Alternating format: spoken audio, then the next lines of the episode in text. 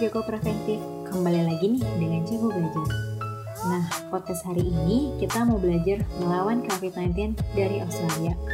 Nyatanya, gak ada penerbangan internasional masuk ke Australia sejak baru muncul kasus COVID-19. Biar nggak terlalu lama, yuk kita bahas. Halo, um, Assalamualaikum warahmatullahi wabarakatuh. Perkenalkan saya Hasran. Uh, saat ini berdomisili di ibu kota Australia, Canberra. Uh, di sini sedang melakukan perkuliahan untuk jenjang master, Master of Economics di Australia National University. Di Indonesia dulu uh, alumni Universitas Islam Sultan Agung angkatan 2013. Di di Australia sendiri secara garis besar uh, jumlah kasus terlapor terkait COVID-19 kurang lebih sebanyak 6.447 yang terbagi dalam beberapa wilayah kawasan atau wilayah bagian. Di Australia sendiri kan terdapat beberapa wilayah bagian. Untuk kami sendiri di Australian Capital Territory jumlah kami hanya sekitar 103 kasus. Cukup sedikit. Yang paling sedikit itu Northern Territory seperti Darwin itu hanya 27. Paling banyak itu New South Wales kayak Sydney maupun di Victoria dan Queensland. Jumlah 6.447 ini sangat sedikit, dengan jumlah kematian yang sangat sedikit pula. Tidak tidak seperti negara-negara lain. Um, ini karena beberapa hal yang dilakukan pemerintah saat COVID-19 ini mulai terdeteksi di China. Pada saat itu beberapa mahasiswa mahasiswa-mahasiswa sebagian besar mahasiswa internasional yang ada di Australia berasal dari China ketika mereka saat itu sedang berada di wilayah di wilayah di China pada saat itu untuk melakukan liburan mereka tidak diperbolehkan untuk kembali ke sini untuk melakukan perkuliahan. Sehingga pada saat itu dibukalah layanan kuliah jarak jauh atau disebut dengan remote student. Ketika situasi ini mulai mengglobal Australian government pada saat itu sudah melakukan beberapa langkah-langkah efektif seperti melakukan atau larangan terhadap turis-turis atau pengunjung yang ingin memasuki wilayah Australia. Tetapi bagi mereka-mereka yang pada dasarnya adalah um, um, masyarakat asli Australia yang pada saat itu berada di luar negeri untuk kembali ke daerahnya itu diperbolehkan. Tetapi bagi mereka-mereka yang saat itu berstatus turis untuk kembali ke, untuk datang ke Australia mereka tidak diperbolehkan untuk untuk ke sini. Dan seluruh penerbangan internasional saat itu mulai ditutup. Puncaknya pada bulan Februari akhir itu seluruh seluruh penerbangan untuk wilayah Australia ditutup secara internasional. Jadi tidak ada lagi penerbangan yang masuk wilayah Australia. Jadi ada langkah-langkah cepat dan efektif sebenarnya yang diberikan atau dilakukan oleh pemerintah pada saat itu. Selain itu juga pemerintah Australia eh, mengeluarkan instruksi kepada seluruh wilayah bagian. Setiap wilayah bagian itu harus melakukan lockdown secara lokal. Lockdown secara lokal ini artinya masing-masing daerahnya melakukan lockdownnya. Jadi border-border atau bat batas-batas wilayah itu ditutup sehingga tidak ada lalu lintas kendaraan ke situ kecuali kayak kereta maupun bis-bis yang lintas daerah. Tapi kalau misalnya kayak orang-orang yang melakukan perpindahan daerah itu tidak boleh. Lalu eh, layanan-layanan uh, jasa di wilayah-wilayah seluruh Australia itu saat itu saat itu mulai diinstruksikan untuk tutup. Contohnya misalnya kayak barbershop salon bar itu dan lain-lain itu semuanya sudah tutup.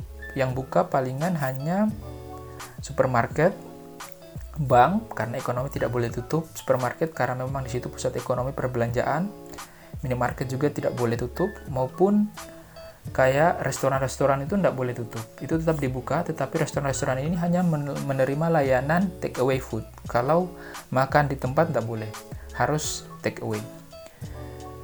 Kemudian juga bagi mereka-mereka yang datang di memasuki Australia satu hari atau dua hari sebelum instruksi itu keluar, mereka diwajibkan untuk melakukan self quarantine. Jadi mereka harus stay at home selama 14 hari, tidak boleh keluar. Kalau mereka ketahuan keluar, mereka diberikan sanksi, denda yang sangat besar, bahkan ada yang sampai ratusan juta. Sehingga itu harus dipatuhi dan memang masyarakat mematuhi itu. Masyarakatnya sendiri sebenarnya tidak terlalu panik, bahkan masyarakat masih melakukan aktivitas-aktivitas tapi memang tidak kerja di kantor lagi, kerjanya at home atau work at home. Um, tapi kalau mereka untuk melakukan aktivitas-aktivitas di luar seperti olahraga itu masih masih masih bisa kita lihat beberapa masyarakat melakukan aktivitas itu dan itu tidak masalah selagi mereka tidak melakukan aktivitas kayak nongkrong di suatu tempat yang lebih dari dua orang. Itu kalau seperti itu ketahuan itu akan diangkat oleh polisi. Ditangkap. Jadi masyarakatnya di sini kesadarannya cukup tinggi. Dengan adanya aturan yang dikeluarkan pemerintah mereka mematuhi itu dan banyak memang yang stay at home. Walaupun banyak juga yang tetap berkeliaran di luar tapi dalam kondisi aman sebenarnya. Karena uh, physical distance-nya itu terjamin di sini kemudian juga beberapa hal yang perlu ditekankan juga bahwa di sini masyarakatnya tidak panik. Jadi informasi-informasi yang kami dapat dari pemerintah dari tentang COVID-19 semua berasal dari pemerintah. Jadi gampang kami akses.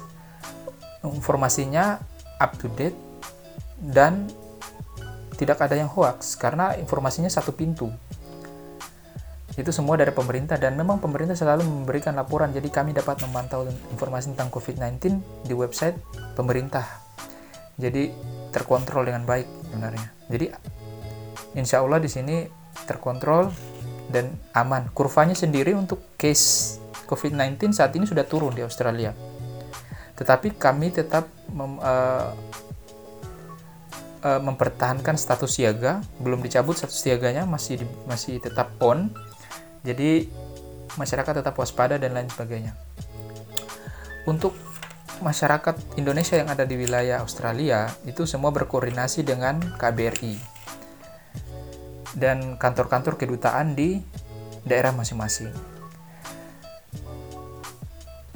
Pada saat pada saat pemerintah Australia mengeluarkan kebijakan seperti adanya kebijakan-kebijakan yang saya sebutkan tadi, itu kemudian di full up oleh KBRI yang ada di Australia, diteruskan ke mahasiswa dalam wadah PPI, kemudian disebarkan ke seluruh mahasiswa dan masyarakat Indonesia bahwa ada aturan dari pemerintah Australia seperti ini seperti ini. Jadi masyarakat Indonesia pun paham dan tahu dan mematuhi aturan itu. Saat ini mahasiswa atau masyarakat Indonesia yang ada di wilayah Australia belum ada yang terlapor tentang COVID-19 ini. Jadi belum ada yang terlapor positif. Tapi memang kami tetap siaga dan dampak ekonomi yang ditimbulkan dari COVID-19 ini tetap terasa. Jadi KBRI sendiri sudah memberikan bantuan dalam bentuk sembako gratis kepada mahasiswa atau masyarakat yang membutuhkan, khusus untuk masyarakat Indonesia yang ada di wilayah Australia. Jadi cukup sangat membantu tentunya. Masyarakat Australia dan yang ada di wilayah sini sebenarnya sangat membantu pemerintah dengan tetap tenang dan tidak panik dalam menghadapi COVID-19 ini. Kami mendengarkan dan mengikuti instruksi dan tidak panik sehingga kami memberikan ruang yang besar-besarnya kepada pemerintah untuk memberikan uh, penanganan-penanganan atau mengambil tindakan-tindakan tertentu terkait COVID-19. Pesannya sebenarnya untuk generasi milenial yang ada di Indonesia saat ini sebagai generasi milenial kita perlu untuk menyikapi COVID-19 ini secara lebih terbuka. Pertama, alangkah baiknya jika kita tidak gampang menyebarkan informasi. Jadi, kecenderungan kita di Indonesia itu cepat untuk menyebarkan informasi tanpa memastikan keautentikan informasi yang kita sebarkan itu. Jadi kalau bisa tidak perlu untuk kemudian memblow up informasi-informasi terhadap COVID-19 yang dipandang tidak perlu sebenarnya. Tidak ada untungnya juga untuk kemudian kita blow up informasi-informasi yang yang yang belum tentu autentik. Biarlah kemudian pakar-pakar tertentu seperti misalnya para para tim medis itu yang memang berada di garda terdepan untuk memberikan laporan-laporan tersebut maupun laporan-laporan dari pemerintah karena pada saat itu pada atau pada saat ini memang mereka adalah pihak-pihak yang paling kompeten yang bisa menyelesaikan masalah ini. Masyarakat saat ini yang bisa dilakukan adalah cukup stay at home, dengarkan instruksi.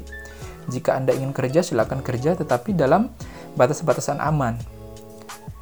Kemudian tidak perlu memblow up informasi-informasi yang tidak perlu, sehingga membuat publik panik. Dan pemerintah pun ketika mengeluarkan kebijakan akan ragu-ragu ketika masyarakatnya ini panik.